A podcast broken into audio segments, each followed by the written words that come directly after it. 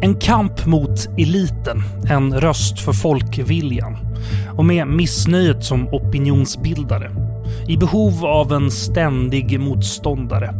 Oavsett om populism ska ses som en metod eller som en ideologi så delar den flera drag med det tankegods man hittar ute på både den extrema höger och vänsterkanten. Och närvaron av populism växer i hela världen. Men hur ska man förhålla sig till det här sättet att agera och tänka?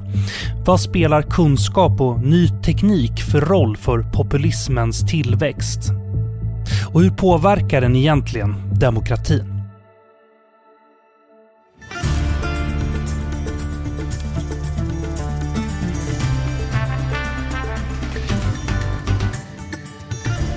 Du lyssnar på Utrikespolitiska institutets podd Utblick. Jag heter Jonas Lövenberg.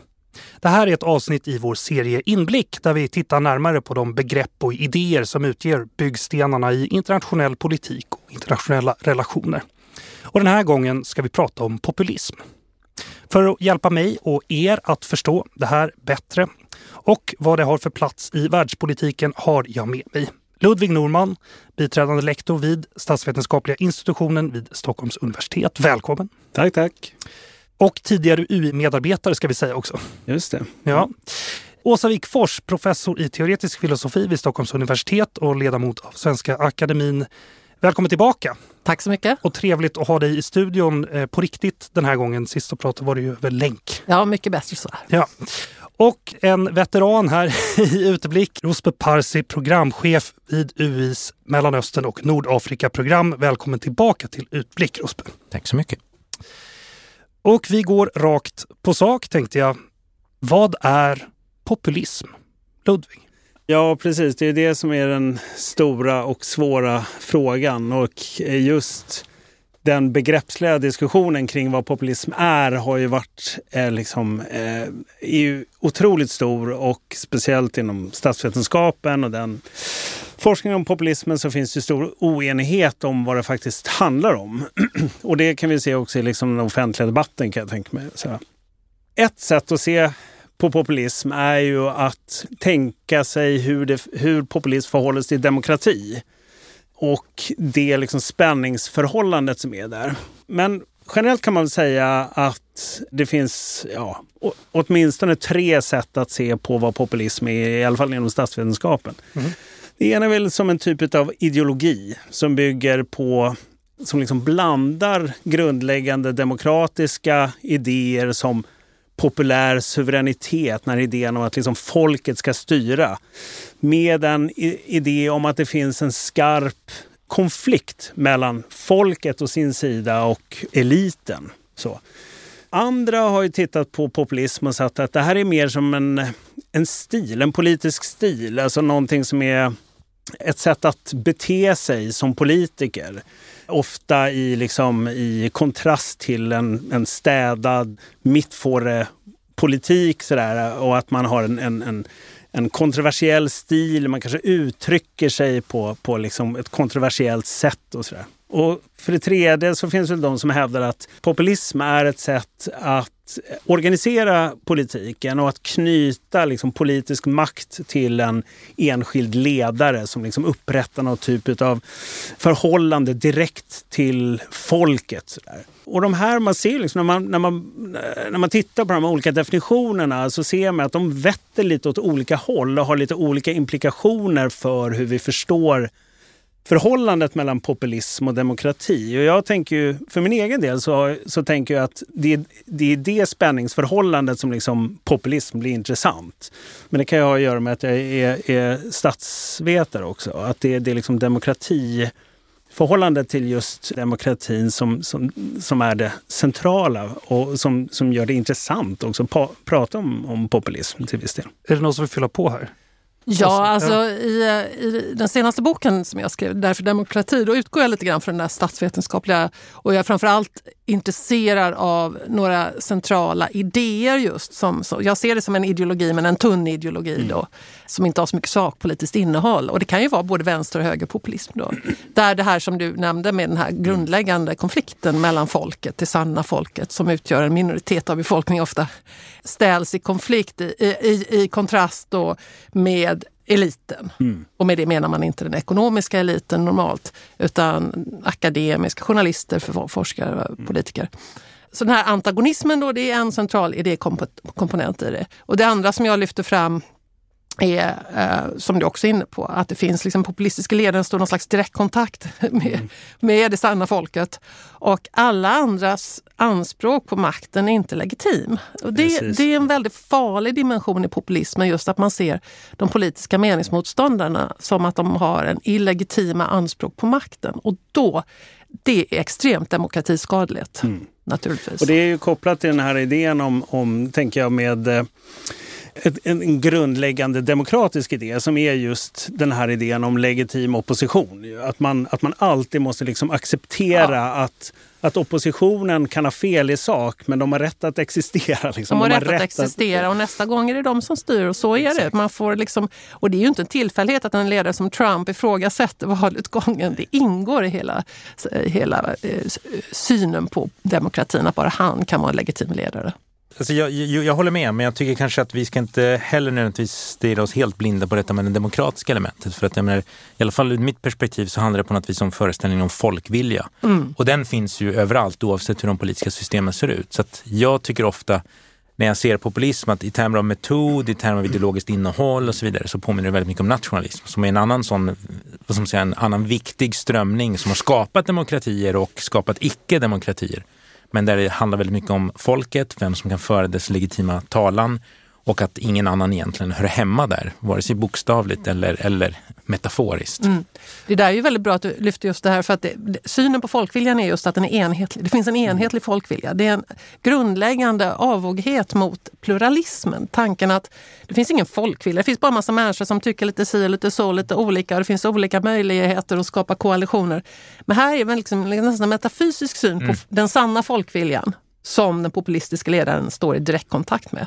Det blir noll eller ett. Mm. Det, det, här ni säger att eh, det, det finns eh, en motståndare då som har en illegitim, eh, eller som inte har någon rätt här då, kan man behandla den på ett annat sätt? Är det en del av det här? Behöver ja, man inte men, det, samma respekt som sina egna? Exakt, det ingår ju då att man beskriver den här för det första den här konflikten då mellan folket och eliten. Man mm. beskriver mm. den andra sidan som moraliskt korrupt mm. och eh, inte lika mycket värda. Och det bereder ju vägen för att man också kan behandla de politiska motståndarna på ett annat sätt. Folkviljans fiender är ju folkfienden. Ja, folkets fiende är ju ett begrepp som Trump ja. plockade upp och det var ju inte en tillfällighet. Nej. Och det kan man ju säga också att jag menar, grundläggande rättigheter i ett demokratiskt samhälle är oftast kopplade till att man blir erkänd som en medlem i mm. ett folk. Att man är medlem i den gemenskap som ligger till grund för liksom den samhälleliga ordningen. Så fort man ramlar ut, ifrån, liksom, ut ur den så, så, så, kan man liksom inte göra samma anspråk på att ha rättigheter också. Det är det som gör, tänker jag, det som du ja, är inne precis. på, det är, eh, som gör den också farlig. Den här antipluralismen. Den är på något sätt någon sorts grundsten för att sen för att sen kunna kompromissa med liksom grundläggande rättigheter. Exakt, de här galgarna som skulle resas ja, utanför Kapitolium då, där man skulle hänga, eller åtminstone metaforiskt hänga sina motståndare, mm. de, de ska man ta på största allvar. Det är, ju, bara, alltså, men det är intressant för det, är ju, det är också viktigt att kanske skilja lite grann på att nämligen, det är en sak att som medborgare så har du vissa rättigheter och det är så att säga det juridiska uttrycket för de här rättigheterna. Men det finns också mycket som inte är reglerat i lag. Och det är ofta där det börjar. Alltså det börjar ju med ton, det har att göra med hur man pratar om varandra, hur man tilltalar människor, hur man beter sig mot dem lite grann i det vardagliga som inte går att reglera genom lag. Och sen när man då har tillskansat sig makt, då kan man lagstifta det mm. beteendet. Mm. Och det ser vi också historiskt att det har skett i flera fall. Jag ska också fråga, vad är, in, vad är då inte populism? Alltså det, frågan handlar väl egentligen om, finns det något missförstånd av vad det här är för någonting? Ja, det gör det. Man blandar ihop det med opportunism ibland. Det hände just häromdagen. Ja. Som ju kan vara ett uttryck för populism eller inte då. När man kör på någonting som man tror ska gå hem i stugorna. Populism har vissa grundläggande idéer som de här med, med den enhetliga folkviljan och det som vi var inne på nu. Eh, så om man inte skriver under på dem och bara är lite allmänt opportunistisk så är man inte därför populist. Nej. Okej, okay. men det är väl bra att försöka avgränsa det här på något sätt. Okej, okay, vi var inne på det förut, men jag ska också fråga, jag har lite kontrollfrågor här nästan om det här. Eh, alltså, är det en höger eller vänsterideologi? Eh, Ruspe, du, det är väl båda kanske, men vad, vad skulle du säga? Nej, men alltså, populism kan finnas eh, som metod. Alltså när vi tänker på populism ja, som metod, mm. då kan den ju tillämpas av vem som helst i princip. Mm. Eh, däremot så är det så att man, det kommer till uttryck på olika sätt. Så en vänsterpopulism kanske då kanske tänker i termer av eliten och då mm. tänker de faktiskt ofta i termer av ekonomisk elit. Det är de ekonomiska ojämlikheterna som man hävdar att X eller Y mm. har skulden till. Medan inom högern så har det då ofta varit folk i meningen etniska grupper eller några sociala grupper som man kan på något vis avgränsa. I alla fall historiskt så har det varit tydligt. Och det är ju det innebär inte att den ena är bättre eller sämre än den andra, så att säga, vare sig konsekvenserna. Men det är klart, den ena går ju delvis att ändra på medan den andra inte går att ändra på. Du kan ändra din ekonomiska status, men om du har definierat som en raslig grupp till exempel, så är det inte så mycket du kan göra åt det. Sen så där finns en viss ödes, mm. det finns vissa ödesdigra kvalitetsskillnader i det avseendet. Ja, ja. Nej, men jag håller helt med. Och det är också så att liksom högerpopulism oftast eh, kopplas till det här med nativism. Liksom att, man är, att man har det här eh, liksom, kopplat till, till jord och blod. Liksom så. Men jag tror också att när man pratar om, om populism på vänsterkanten så tror jag också man underskattar problemet med att, att eh, tänka på folkviljan i enhetliga termer och prata om folket som en enhet med enhetliga intressen. För att det har inte samma konnotationer och kopplingar till liksom kanske ultranationalism och, och, och den typen av men det, men det kan också, det kan fortfarande vara väldigt liksom skadligt för en, för en eh, mer generell demokratitanke. Just den här idén om att det finns en folkvilja som, som vi kan identifiera utan på något sätt att, att gå igenom liksom demokratiska procedurer. Mm. Det finns en sån här konstitutionell eh, idé om att folkviljan, det är egentligen bara utfallet eller resultatet av de demokratiska procedurer vi har här. Liksom det, är, det, det är det som är folkviljan. Det är en idé, det är en, det är en metafor, men folkviljan som sådan finns inte. Liksom, så. Exakt, det tror jag är en jätteviktig poäng. Och precis där så, så har både vänster och högerpopulism ett problem. De är antipluralistiska mm. på det problematiska och liksom metafysiska runt den här glorifieringen av, av en oberoende existerande folkvilja. Mm. En annan sak vi redan har varit inne på, men jag ska fråga, alltså, finns det ett behov av en motståndare i populism? Ludvig? Ja, det skulle jag nog säga. Eller det beror på om man ser det rent begreppsligt eller om man ser det liksom rent faktiskt som en del av den praktiska politiken. Och, och i den bemärkelsen, som en del av liksom den, den faktiska politiken där ute, mm. så, så, tror jag att populismen liksom behöver en framåtrörelse. Den behöver liksom en, en antagonism och den behöver den här, det här spänningsfältet. Så fort den blir för salongsfärg, för börjar likna de etablerade partierna för mycket till exempel, då är det någonting som händer. Och då tror jag att det finns två alternativ. Antingen så blir de här partierna mer som vanliga, vanliga partier som rör sig inom det liksom fältet. Eller så, så lyckas man helt enkelt transformera staten som man har gjort till exempel i Ungern. Där man har gjort verklighet utav den här idén om ett enhetligt folk och där man liksom omformar staten och där man lägger ner ett pluralistiskt eh, medielandskap och, och, och, och, den typen av... Så det finns liksom... Det, det beror nog på. Men fienden ja. finns ju kvar där. Ja, jo, i och Globalister och jo, sant, sionister ja. och det ena med jo, det andra. Jo. Ja. Alltså, I det avseendet så kan man ju säga att populism utan att ta det för långt, det är en sorts omstörtande verksamhet. Man vill förändra på någonting väldigt radikalt med väldigt enkla lösningar.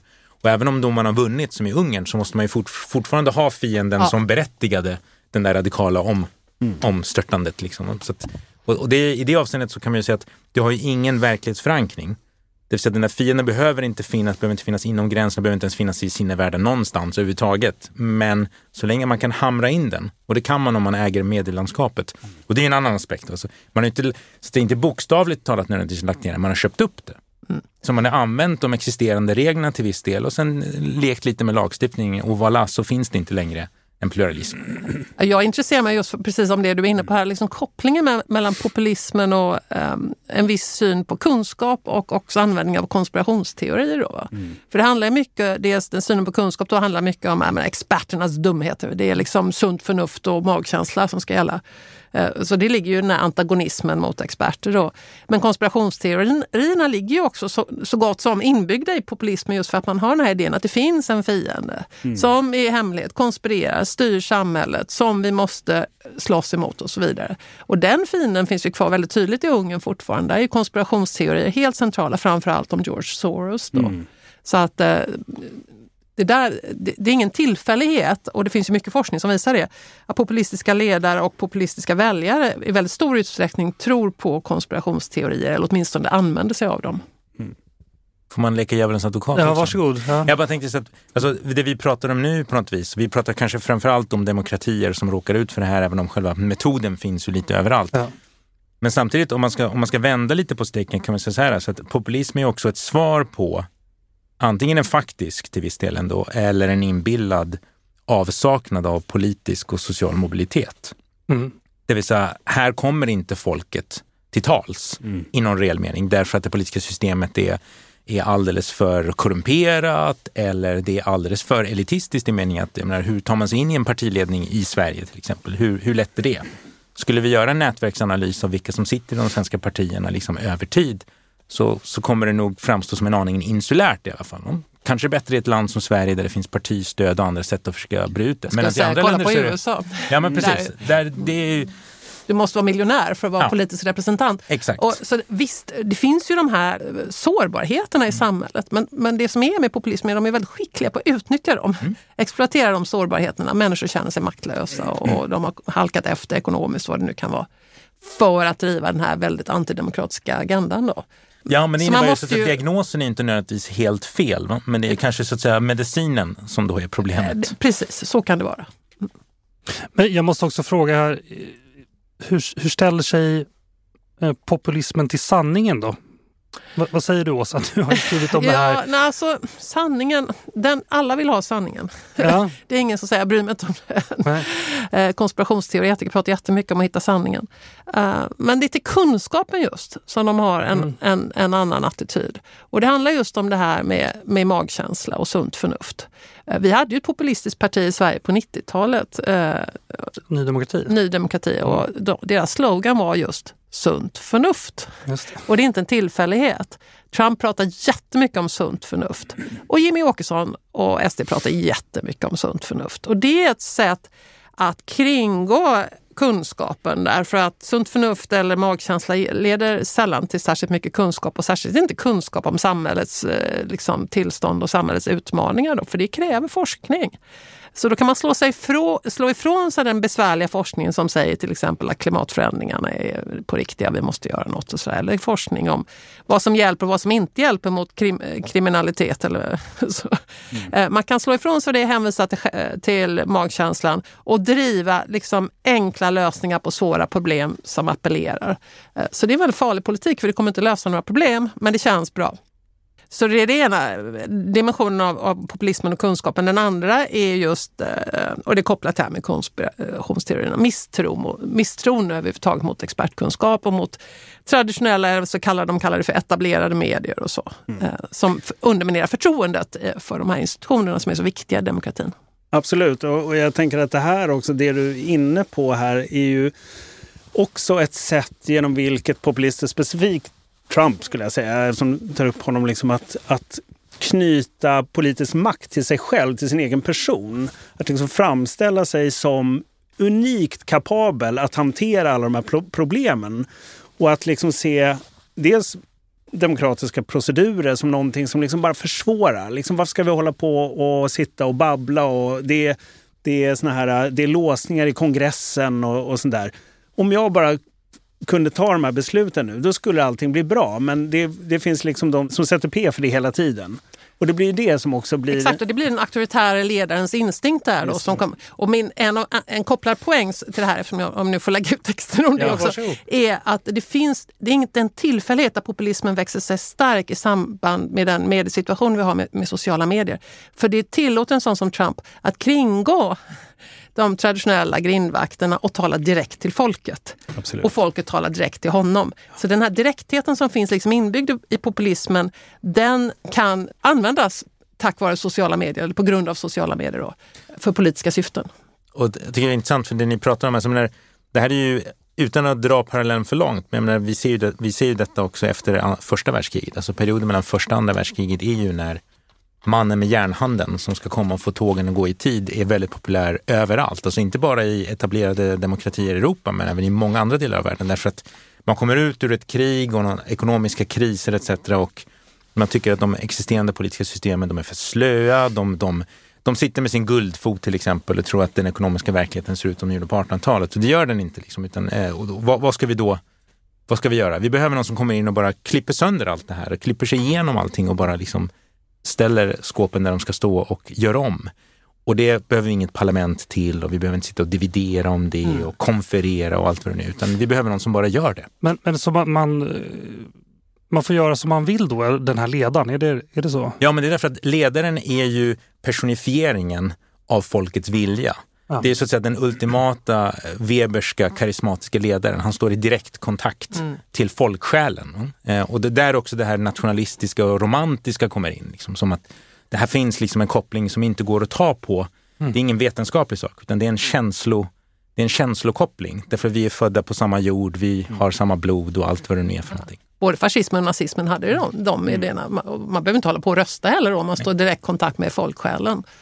Och det är intressant när man tittar både på fascismen, nazismen och även på kommunismen under den tiden till viss del, så är det ju att det handlar inte alltid om, om någon sorts konkret program, utan det handlar om att de agerade.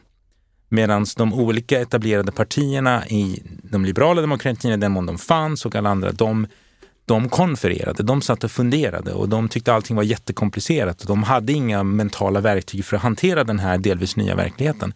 Så att, att några då samlas och bara marscherar fram och tillbaka med några facklor då och då är i sig liksom attraktivt därför att det tyder på handling. Så det ser man också i propagandan att att handla blir liksom ett egenvärde. Därför det skiljer dem ut från de etablerade som inte får någonting gjort. Där har vi sett, tänker jag också, det eh, kanske tydligaste exemplen under ganska lång tid var ju liksom i, i eh, flera latinamerikanska länder där, där det här blev liksom som ja men, Peron till exempel och peronisterna. Det, det, där handlar det väldigt mycket om att liksom knyta samhälleliga organisationer och fackföreningar och vad det nu kunde vara till, till en enskild person. Och att det var liksom det som gjorde att att eh, politiken eh, skulle fungera. Och, och samma sak med Hugo Chavez i Venezuela som också hade de här fantastiska liksom, tv-sändningarna där han i princip satt i, i, i timtal bara i direktsänd eh, eh stats-tv och, och pratade om vad som helst. Vad som helst att, eh, eh, liksom, det var som ett personligt Twitter på något vis liksom, som bara flödade på. Han kunde han kunde sparka eh, kabinettsmedlemmar och han kunde, han kunde berätta om eh, landets historia och han kunde liksom bara prata om allt möjligt. Och det var, handlade ju väldigt mycket om det här med att skapa en direktkontakt med folket. Men också liksom, man såg ju det, det var inte bara prat utan det handlade ju också om sen att göra konstitutionella förändringar som, där man i princip monterade ner alla såna här checks and balances, alla alla liksom, eh, som, som är nödvändiga för, för att, eh, för att en liksom mer demokrati ska kunna fungera. Så. En annan fråga, är det, är det okej att ljuga bara för att nå sitt mål? Alla politiker ljuger. Ja, jo, absolut. Men var det svaret på frågan? Okej för vem? Alltså, Nej men så här, jag tänker så här, är det, om vi tar Trump som exempel. Det, det måste ju Ah. vara uppenbart för, för en del av hans väljare att han, att han ljuger. Eh, den skickliga politikern eh, kommer väl undan med, alltså blir väl inte avslöjad då. Men han verkar ju inte bry sig om han blir avslöjad. Nej men det är ju en av eh, tidens tecken också. Jag skriver lite om det. Men, och och, och där, det vet man ju att Trumps väljare vet att han är totalt opålitlig och ljuger hela tiden. Eh, Men uttalar just sådana här saker som att det är okej för han ljuger för oss. Ah. Ja. Så det är ju, och det kan man ju säga, det är någon slags uppluckring runt det här. För tidigare var det ju liksom, om en, i alla fall i en demokrati, om, om en ledande politiker blev avslöjad med en lögn så fick de ju genast göra någon slags pudel då. Eh, men, och det finns psykologisk forskning som visar att, och då gällde det inte bara Trump-väljare, då gällde det Sanders-väljare också, Bernie Sanders. Då. Där man visar att han har sagt något som var falskt och de frågar sen om man tappar förtroende för den här politikern och säger nej, inte alls. Så att det är okej att ljuga om man ljuger för oss. Så det är nog en tanke som finns, kan finnas på båda de politiska kanterna och är naturligtvis inte bra.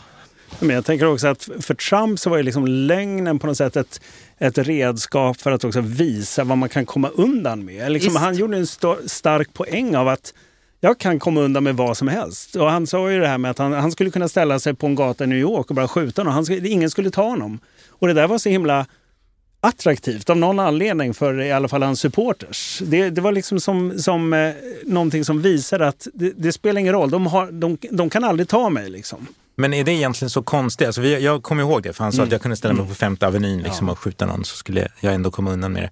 Men samtidigt om man tänker så här, efter 2008 och allt som hände med banken och så vidare, så det är väl inte jättekonstigt om det finns en hel del människor där ute som tänker att de andra, de etablerade, de som låtsas vara mer än oss, kommer ju redan undan med det. Mm. Bevisligen. Med massa olika saker.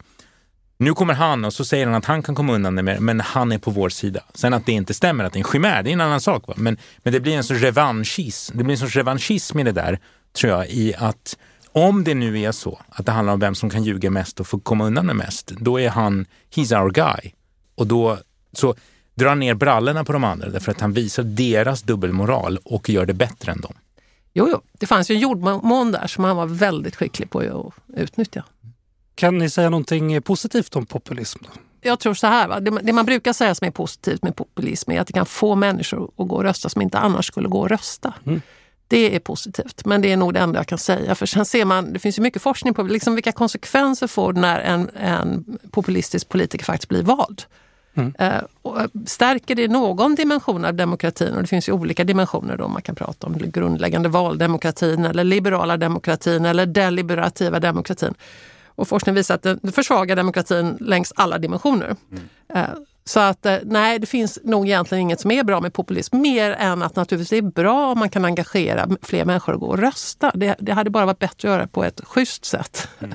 Problemet tänker jag också att det, populismen som den har växt fram och också svaret på populismen skapar liksom dubbla tryck på demokratin som kan vara negativa. Dels har vi då populisterna som när de kommer till makten kan eh, skada demokratin på olika sätt. Men sen finns det också tendenser från mittfårepolitiken att man vill liksom skydda demokratin och att den typen av åtgärder och den här idén om att, att, eh, att demokratin är eh, fragil eller svag och behöver skydd det kan också göra att, man, att demokratiska system stänger sig. Det vill säga att man vill skapa större trösklar och att man, vill, att man eh, tar beslut som, som, som, som bygger på idén om att man liksom inte kan lita på massorna och att man jobbar åt den riktningen. Så att, nej, jag skulle inte heller säga att det finns så himla mycket positivt med populism. Även om, som, som Åsa är inne på, att folk blir engagerade i politik kan ju vara bra på, på längre sikt bara för att man märker att det, politisk, att det händer något i det politiska systemet som man faktiskt behöver bry sig om. Jag, jag tror att det beror lite grann på vilken dimension av populism vi pratar om. Alltså pratar vi om den som gör att folk mobiliseras politiskt och kanske också får de etablerade partierna att fundera lite grann på vad det är för invanda spår som de rullar runt i och liksom på något vis alltid delar upp någon sorts förment kaka emellan sig. Då tycker jag det kan mycket väl vara positivt. Men jag tänker på det du sa nu Ludvig, jag tror att ett ännu större problem som jag kan se i alla fall, det är ju inte ens att de försöker att stänga demokratin lite grann för att försvara den. Utan det är ju att eh, mittenpartierna härmar populisterna mm. i någon sorts desperat jakt efter de där rösterna. Mm. Och jag menar, den historiska erfarenheten i alla fall är att när man har att göra med, vad ska vi säga, väldigt väloljade maskinerier som är populistiska, som verkligen har det som sin grund och inte bara en allmän metod. Det är att när du försöker härma dem så blir du den sämre kopian. Och det är du som går under och mm. marginaliseras. Mm. Det är inte originalet. Mm. mm. Och då har du så att säga dels blivit av med dina, din traditionella väljarbas. Du har inte fångat den nya mobiliserade väljarbasen, men du har hjälpt till att normalisera den politik som det populistiska partiet förfäktar. Nej, men precis. Då har man det, förlorat på alla. Ja, men absolut, och det är det jag menar lite grann, det här med att det är lite pest eller, Ja. och kanske pest och kolera. Att man, att man dels kanske på vissa sätt försöker stänga demokratin och när man öppnar den så, är det, så kanske man liksom normaliserar och att man också försöker härma och att man tänker att vi måste prata om den här frågan som har kommit upp på dagordningen trots att det kanske inte är motiverat rent liksom faktiskt. Nej, men det är en jätteviktig poäng att lyfta i sammanhanget. Alltså, Det finns ju nästan alltid runt 20-25 procent av befolkningen som är lockade av populistiska, auktoritärt lagda ledare. Det liksom finns mycket som tyder på det. Och, och emellanåt så dyker en sån upp. Och vad som händer med demokratin då beror så mycket på hur de andra aktörerna reagerar. De andra partierna då i ett flerpartisystem. Om de tror att de kan dra nytta av det här för att få de väljarna att få makt och tror att de kan kontrollera eh, situationen eller det här populistiska partiet då, eh, då brukar det sluta illa. Helt enkelt. Det finns ju mycket historieforskning runt det här, statsvetenskap. Det är en av de där centrala teserna i Levitskis och Siegblatts bok eh, Så dör demokratier. Det är först när de etablerade partierna tar in de här populistiska krafterna i regeringsposition som, som problemen uppstår. Och, eh, och det kan man inte säga en gång för mycket. Jag tänkte vi ska gå vidare lite och fundera på varför populismen ökar. Alltså det finns ju flera exempel på ledare och rörelser som under det senaste decenniet fått allt mer inflytande som har populistiska drag. Ni har själva kommit med flera exempel. Alltså, Så varför vinner populismen mark nu? Ja, det, jag tror det är en komplex, som, som jag var inne på förut, det finns de här sårbarheterna. Människor som är utsatta känner sig som de har hamnat på efterkälken, inte delaktiga i demokratin, allt det där som gör att det inte fungerar så bra som det skulle. Och så i kombination med att det råkar dyka upp en och annan ledare av Trumps kaliber som ser att det här går att utnyttja. I kombination med det tredje då, som jag skriver mycket om och det är det nya medielandskapet där vi inte längre har jag menar, Trump hade aldrig blivit vald för 20 år sedan därför att ingen av de traditionella medierna ville alltså endorse, som man säger, alltså sa att rekommenderade honom som president över Clinton. Då. Så han hade inte nått ut, men nu nådde han ut för han kunde kringgå allt det där. Då. Och den stora mängd propaganda och desinformation som sprids av olika plattformar, alternativa medier och annat, har använts extremt effektivt av de här krafterna. Och Jimmy Åkesson sa ju det explicit. Han sa vi har väldigt mycket, vi har alternativa medier att tacka för mycket och det är precis exakt så. Så att eh, de tre sakerna skulle jag vilja säga samverkar just nu. Ja, Jag håller med om att det är en väldigt eh, komplex bild och återigen så är det en sån här diskussion som inte minst statsvetare och sociologer liksom pratar väldigt mycket om och där det finns olika bud på vad det är som skapar den här känslan av att hamna på efterkälken. Och där liksom började med någonstans i någon sorts diskussion om att, att globaliseringen och, och liksom det, ett, eh, det moderna kapitalistiska samhället skapar förlorare. Och att det handlar väldigt mycket om materiella saker. Men, men det, det, där finns andra som har, som har liksom visat att nej, men det är inte så enkelt heller. Det är inte bara de som har det sämst eh, materiellt i ett samhälle. Utan det handlar också om sånt som social status och en känsla av vad man har rätt till. Alltså de förväntningarna som man som, som vissa grupper har på var de borde befinna sig mot var de befinner sig. Materiellt, statusmässigt och, och, och, och där, jag menar våra samhällen, inte minst i Europa, där har det ju skett ett stort skifte där vi har gått också till liksom, eh, där, där man måste vara högutbildad och där det nästan är en förutsättning och där manuellt arbete, även om man kan ha det ganska materiellt alldeles utmärkt så, så är det liksom generellt har det, har det minskat i, i status under, under ganska många år. Och det finns ju undersökningar som visar att det är just det här med liksom en social, ja, en självupplevd låg social status som, som driver den här känslan av att man, man får inte vara med helt enkelt. Och att det här samhället är inte för mig. Liksom. Mm. Men alltså, jag kan tycka liksom att om man tänker ur ett intersektionellt perspektiv så gör ju forskning det ibland bara lite svårt för sig. Det finns inget som säger att det ena utesluter det andra. Det har ju också att göra med vilket segment av ett samhälle man tittar på. Men tar vi då USA till exempel. Då beror det på, jag menar, tittar man på på vissa delar av amerikanska samhället i vissa delstater, då säger man ja men här handlar det om amerikansk arbetarklass som är rädda för vad som kan hända med dem om de förlorar det lilla de har. Och det handlar om vem som är under dem, som då ofta utmålas som hot mot dem. Medan som vi pratar om, om högstatusmänniskor i meningen, de har med det bra ekonomiskt ställt, då är det andra motivationskrafter. Va? Så att menar, tittar man på Trumps väljarbas så är det inte en enhetlig för fem öre, utan det är väldigt olika saker som har fått dem att komma dit. Och det märktes ju även i, när man började bena ut liksom, vem deltog i det här, vad ska vi kalla det för, eh, kuppförsöket 6 januari. Och då ser man liksom att det är inte så att de alla är industriarbetare utan det finns en massa högutbildade människor som tagit semester från sina högutbildade jobb och åkt till Washington för att delta i det här. Mm. Så det är ju verkligen att det, det, finns många motivationsfaktorer som gör att man hamnar i den där ja. gruppen. Ja, det där är viktigt att lyfta. Alltså, om man tittar just på väljarna, Clintons väljare och Trumps väljare eh, så såg man ju då redan 2016 att eh, medelinkomsten var ju högre bland Trumps väljare mm. än Clintons. Så det är inte så att de fattigaste röstar på Trump.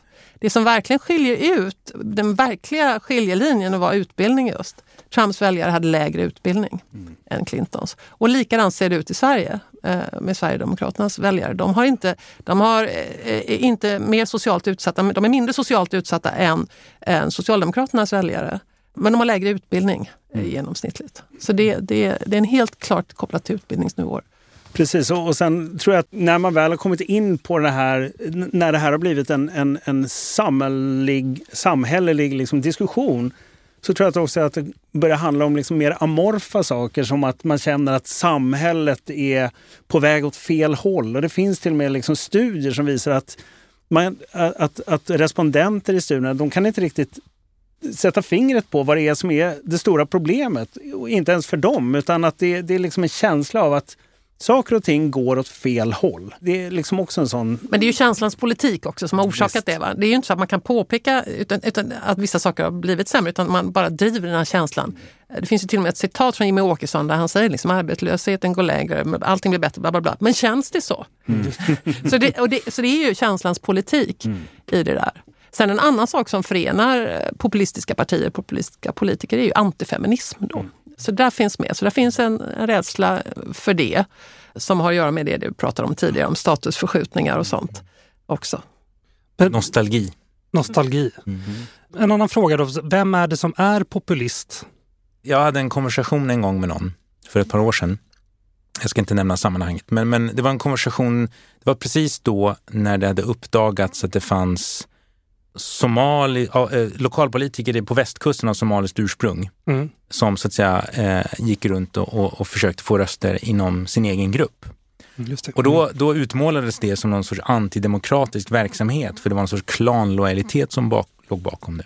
Jag tyckte det var så fascinerande för att jag vet inte hur många gånger under alla åren jag har levt i Sverige jag har hört talas om de här socialdemokratiska norrländska familjerna som röstat socialdemokratiskt generation efter generation för det är så man gör i vår familj.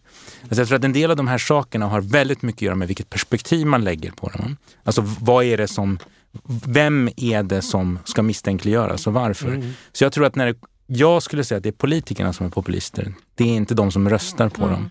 Därför det där, alltså varför man röstar som man gör, skulle vi börja bena ut varför folk röstar som de gör i Lidingö och i Rinkeby så skulle jag inte säga att det nödvändigtvis är så jättestora skillnader. Jag tror inte någon i någon utsträckning sitter med ett partiprogram och gör checklistor och håller på. Utan det finns en massa saker som motiverar människor att rösta som de gör. Och där tror jag inte nödvändigtvis att populisternas partiväljare nödvändigtvis skiljer ut sig så jättemycket. Utan då skulle jag hellre lägga fokus på populisten som företräder partiet. Absolut, jag håller helt mm. med om det. Som, sedan utnyttjar återigen människor olika vad det kan vara de oroar sig för. så. Men, men det är politikerna. Och det ser man ju, man pratar så mycket om polarisering och oj oj oj, varför är vi så arga på varandra och sådär. Det är ju inga tillfälligheter. Det är ju också något som har drivits av populistiska politiker. Just det här att, att eh, tanken om att den andra sidan är en, eh, en fiende som vi inte kan respektera och sådär. Eh, så att de här så kallade elitaktörerna som statsvetarna pratar om, opinionsbildare och politiker, de har ett enormt stort ansvar för att det här sprids nu och att polariseringen, framförallt den känslomässiga polariseringen tilltar.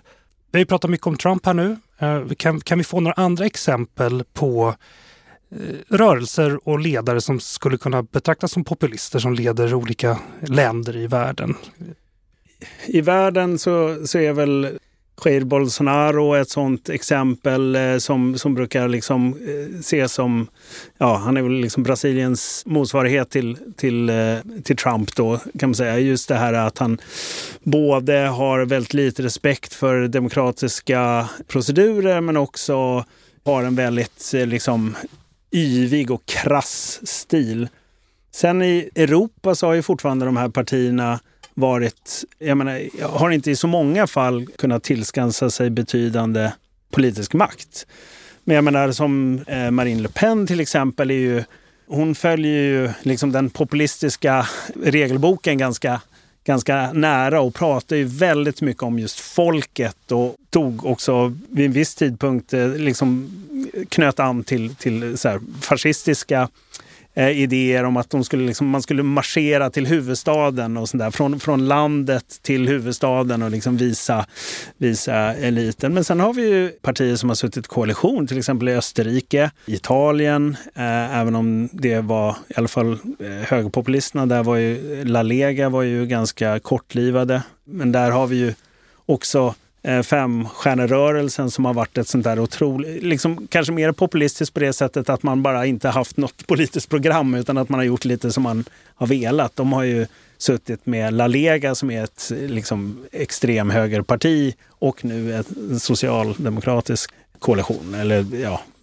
koalitionspartner. Så att, eh, men sen annars, eh, Viktor Orbáns eh, regim får väl betraktas som, som ett utslag för vad som händer också med när populismen verkligen gräver sig in och liksom eh, får fritt spelrum att bygga om systemet så att säga. Polen också. Ja, alltså absolut. lag och ordning där har ju nästan ännu fortare och eh, så att säga försökt ändra om allt vad det juridiska systemet heter och så vidare. Och det visar ju också på ett annat problem som vi har om vi tänker nu EU-termer. Det är ju att hur hantera medlemsländer som börjar nedmontera en av de viktigaste kriterierna för att överhuvudtaget få vara med i EU. Det vill säga när man, börjar, när man börjar montera ner rättsstaten, vad kan EU göra då för att, för att, hjälpa till att sätta stopp för det? Mm. Den där autokratiseringsprocessen pågår i sju länder i Europa just nu, inom EU. Mm. Eh, men sen är det också Nigel Farage, alltså mm. hela den här Brexit-rörelsen, äh, livsidan, det är också populism. Ja, det får man nog säga. Att folk vänder sig till den här, de här eh, rörelserna och ledarna, alltså har folk förtro förlorat förtroendet för för det demokratiska systemet? Alltså jag tror så här att jag, jag tror att människor är missnöjda med, med sakpolitiken. Men, och sen lyckas, lyckas de populistiska ledarna med att eh, vända den här missnöjet med sakpolitiken till ett missnöje med systemet. Då. Och. Det är mm. därför det är demokratiskadligt just. Mm. mm. Eh, så jag, jag, tror att, och det kan finnas kanske lite missnöje med systemet från början som man, man förstärker. Och det vet man ju att, att när, när det blir ett missnöje med systemet, det är ofta första steget mot en autokratiseringsprocess. Och det där är ju väldigt farligt. Men det är just, och det där spelar ju, återigen är jag tillbaka på propaganda och desinformation, den spelar väldigt stor roll eh, när man försöker ta missnöjet med en förd sakpolitik. Man tar ett samhällsproblem och upphöjer det till en samhällskris och skyller på systemet. Det är en populistisk strategi som har använts på bland vänster och högerpopulister med framgång i flera decennier. Och, och det är ju, jag menar, man, I Sverige har vi haft mycket om det här systemkollaps och, och kris och sådär. Det är inte en tillfällighet utan det är en medveten strategi att man försöker upphöja samhällsproblem till, ett, eh, system, till en systemkris.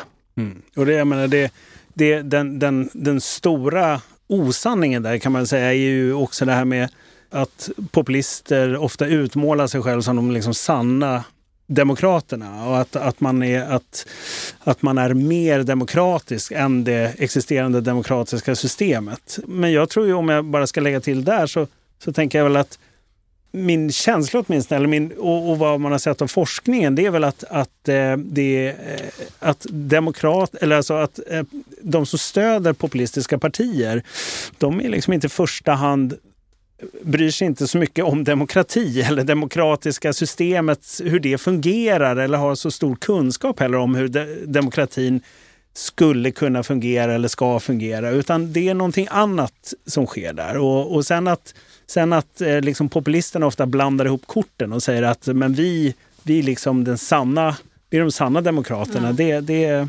det är där Precis. man liksom kör, åt, kör ner i diket på något vis. Men, ja. Jag tänkte bara säga en sak om språkbruket. För jag tycker du nämnde Bolsonaro, vi har också Duterte som satt i mm. Filippinerna. Mm. Båda har ju ett alltså nästan ett absurt brutalt språk.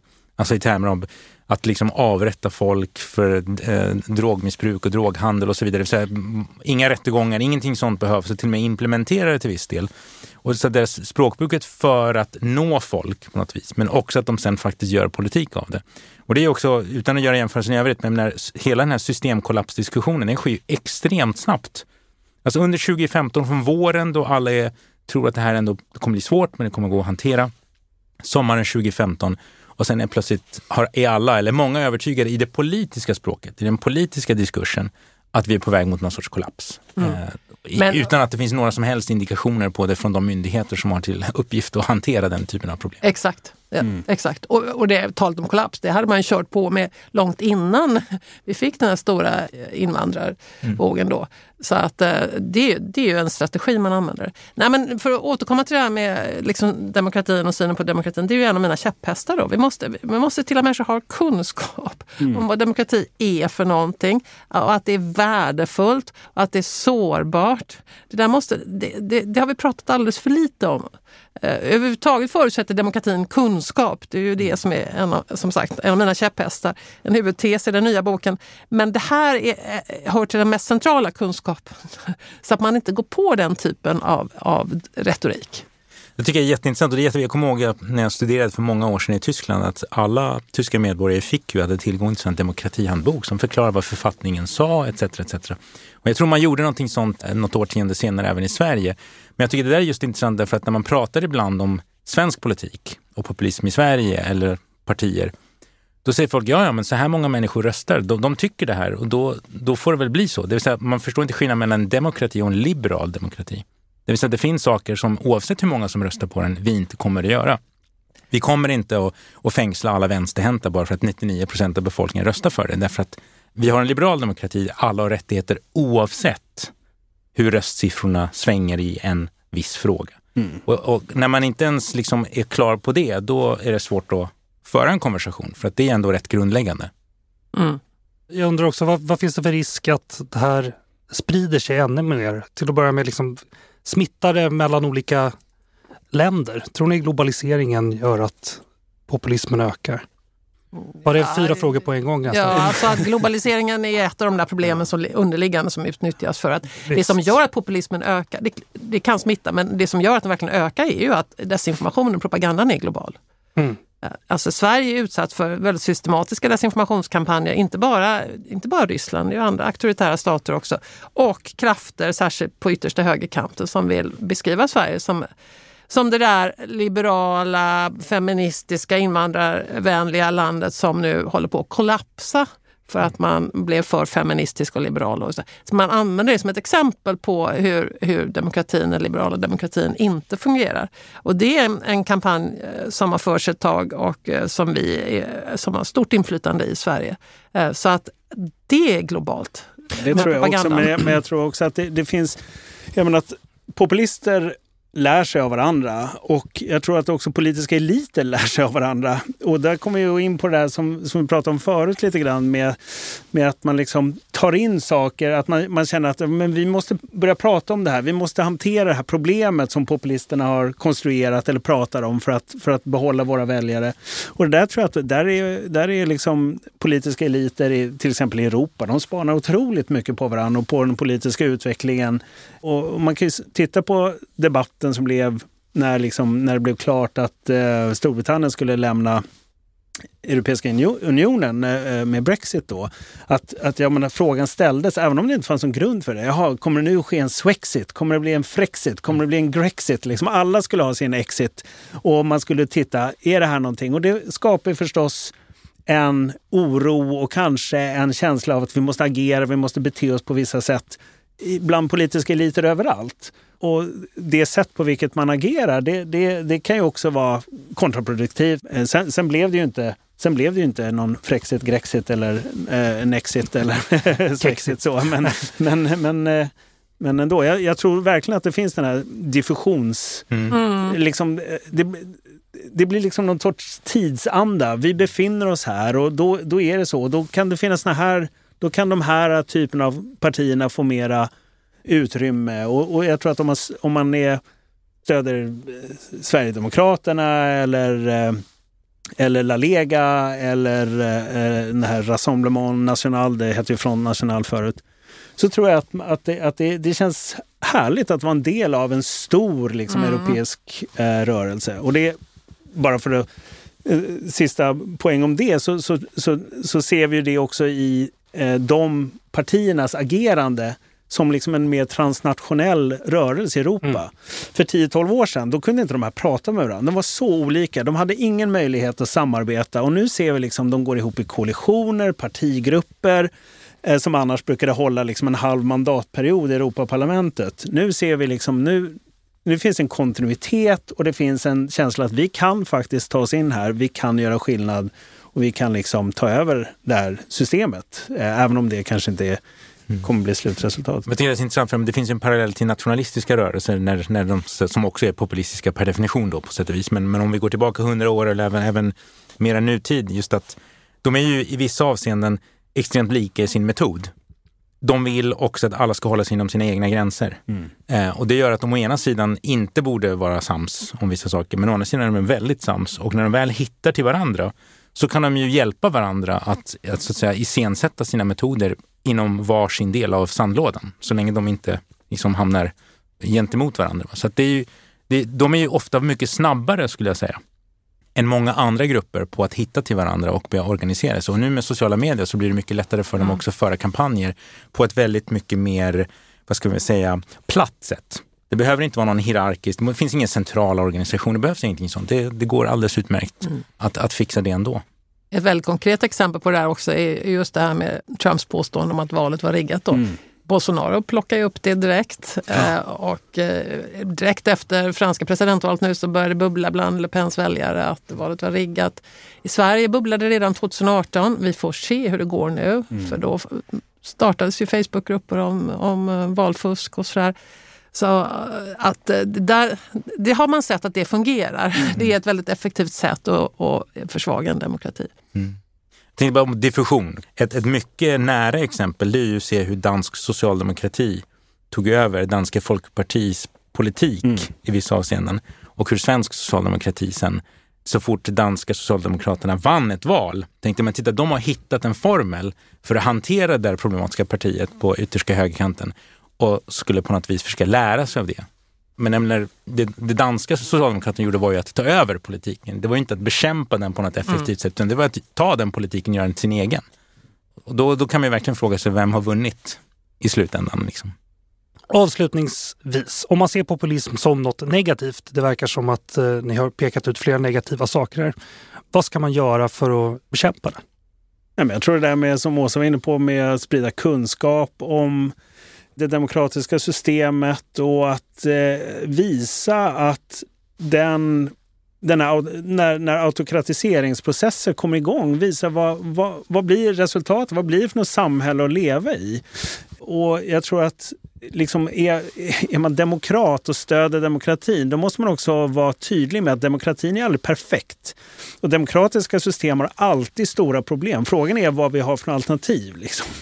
Var hamnar vi om vi säger okej, okay, demokratin är så dålig så vi överger den? Blir det bättre om vi har ett parti som, som tar över mer och mer och mer? Eh, är det bättre om vi, om vi tycker att det finns problem med public service och att vi tycker att det är, att det är vinklad rapportering? Är det bättre att vi har liksom ingen pluralism överhuvudtaget i, i, i medielandskapet och så vidare. och Så vidare. Jag, så jag tror att den här kunskapsdimensionen och liksom sprida kunskap om demokratiska systemet och förutsättningarna för en demokrati är viktiga. Liksom. Jo, men absolut. Och menar, Churchill har ju något citat som alla pratar om, liksom att demokrati är dåligt, men jämfört med alla andra alternativ så är det bättre. så att säga. Men, men jag tror att lite grann handlar det också om att folk, alltså vi behöver alla bli mer engagerade i hur politik förs. Och det är väl det som är den stora ansträngningen. Hur engagera människor i politik? För de har annat de vill göra hellre med sin fritid. Och framförallt också hur hur görs demokrati? Alltså hur ser lokalpolitiken ut i en svensk kommun? Vilket är den, den nivån som egentligen påverkar en, en, var, en människa mest i Sverige. Det är inte rikspolitiken utan det är på, på liksom lokal nivå. Hur många har insyn i den? Hur många orkar engagera sig i den? Och hur vad ska man säga, användarvänlig är demokrati som ett institutionellt system? Och det är någonting som de flesta länder skulle behöva jobba mycket mer på Det vill säga göra dem mer användarvänliga men också hitta sätt att engagera människor i det. Och det där är ju en paradox i demokrati, för då ska vi inte heller liksom slå på stora trumman här. Poängen är att de flesta demokratier är rädda för massorna. Och det är därför man har checks and balances. Det, vill säga, det finns ett skäl till att många länder har tvåkammarsystem där den ena är svårare att komma in i och sitta i och så vidare. Och det är därför att de är rädda för vad som skulle hända ifall det blir plötsliga svängningar i befolkningen inför ett val. Så att den där, vad som säga, försöket till en balans, försöket att få in människor men samtidigt skapa en viss tröghet i systemet. Det, det finns där och har funnits i alla politiska teorier om, om folkstyre. Så det är inte liksom någonting nytt i sig. Va? Men då kan man fråga sig hur, hur rekalibrerar man den balansen i vår tid där alla som har ett sociala mediekonto tror att de är experter på allting för att de kan googla det. Mm. Nej, men jag håller ju med. Eh, för det första så tycker jag vi ska sluta citera Churchill. för, för det är så uselt. För det första, vi, vi, min bror är ju med på min senaste bok och han, vi börjar just med att säga det, att det är det folk brukar säga när man frågar varför demokrati. Och för det första finns det skäl att tro att han använder det som ett ironiskt påstående om demokratins motståndare. För det är det mm. bästa de kan komma på när de får frågan. Eh, vi kan bättre än så. Mm. så att, eh, och det finns jättemycket konkreta argument för varför demokratin demokratin skapar välstånd och lycka och folkhälsa och jämlikhet och allt det där på ett sätt som autokratier inte gör förutom att de slänger folk i fängelse och avrättar dem eh, lite sådär hipp som. Eh, så det är det första. Men det andra är precis det du är inne på nu. Hur, i, historiskt, liksom för hundra år sedan, Sverige, då hade vi liksom, folk gick med i partier, det var folkbildningsrörelserna, det fanns, det fanns vägar in i det politiska systemet som inte längre fungerar riktigt. Folk går inte med i partier längre. Det, det, är ju lätt att göra i Sverige, kostar inget, jättefint sätt att engagera sig. Man kan säkert klättra ganska snabbt där om man vill, men folk gör inte det. Så vi måste hitta sätt, och där tycker jag är hela det här forskningsfältet som handlar om innovationer inom demokratin. Hur kan man innovera, hur kan man uppfinna demokratin på nytt nu så att säga, för att stärka deltagandet just? Och där görs ju i Sverige inte så mycket, men i många andra länder, till exempel Irland, mycket försök med sådana här medborgarråd då, där man lottar fram grupper som får vara med och lägga fram förslag som sedan tas på allvar av politikerna. Och så. Det där måste vi diskutera mycket mer. Hur kan man förnya demokratin nu eh, när det finns stort politiskt engagemang som inte kanaliseras in i demokratin som system? Eh, det tror jag vi ska prata mer om. Ludvig Norman, biträdande lektor vid statsvetenskapliga institutionen vid Stockholms universitet, Åsa Wikfors, professor i teoretisk filosofi vid Stockholms universitet och Rosbe Parsi, programchef vid Mellanöstern och Nordafrika-programmet på UI. Tack för att ni kom allihop. Tack, tack. så mycket. Tack, tack. Är du som lyssnar intresserad av UBIs forskning och omvärldsbevakning, kolla in ubi.se och håll utkik efter den seminarieserie som bland andra Rosbe är med och ordnar om just populism. Vill ni ta del av Åsas tankar om demokrati och kunskap kan ni läsa hennes böcker Alternativa fakta om kunskapen och dess fiender och Därför demokrati om kunskapen och folkstyret, båda utgivna på förlaget Fri Tanke.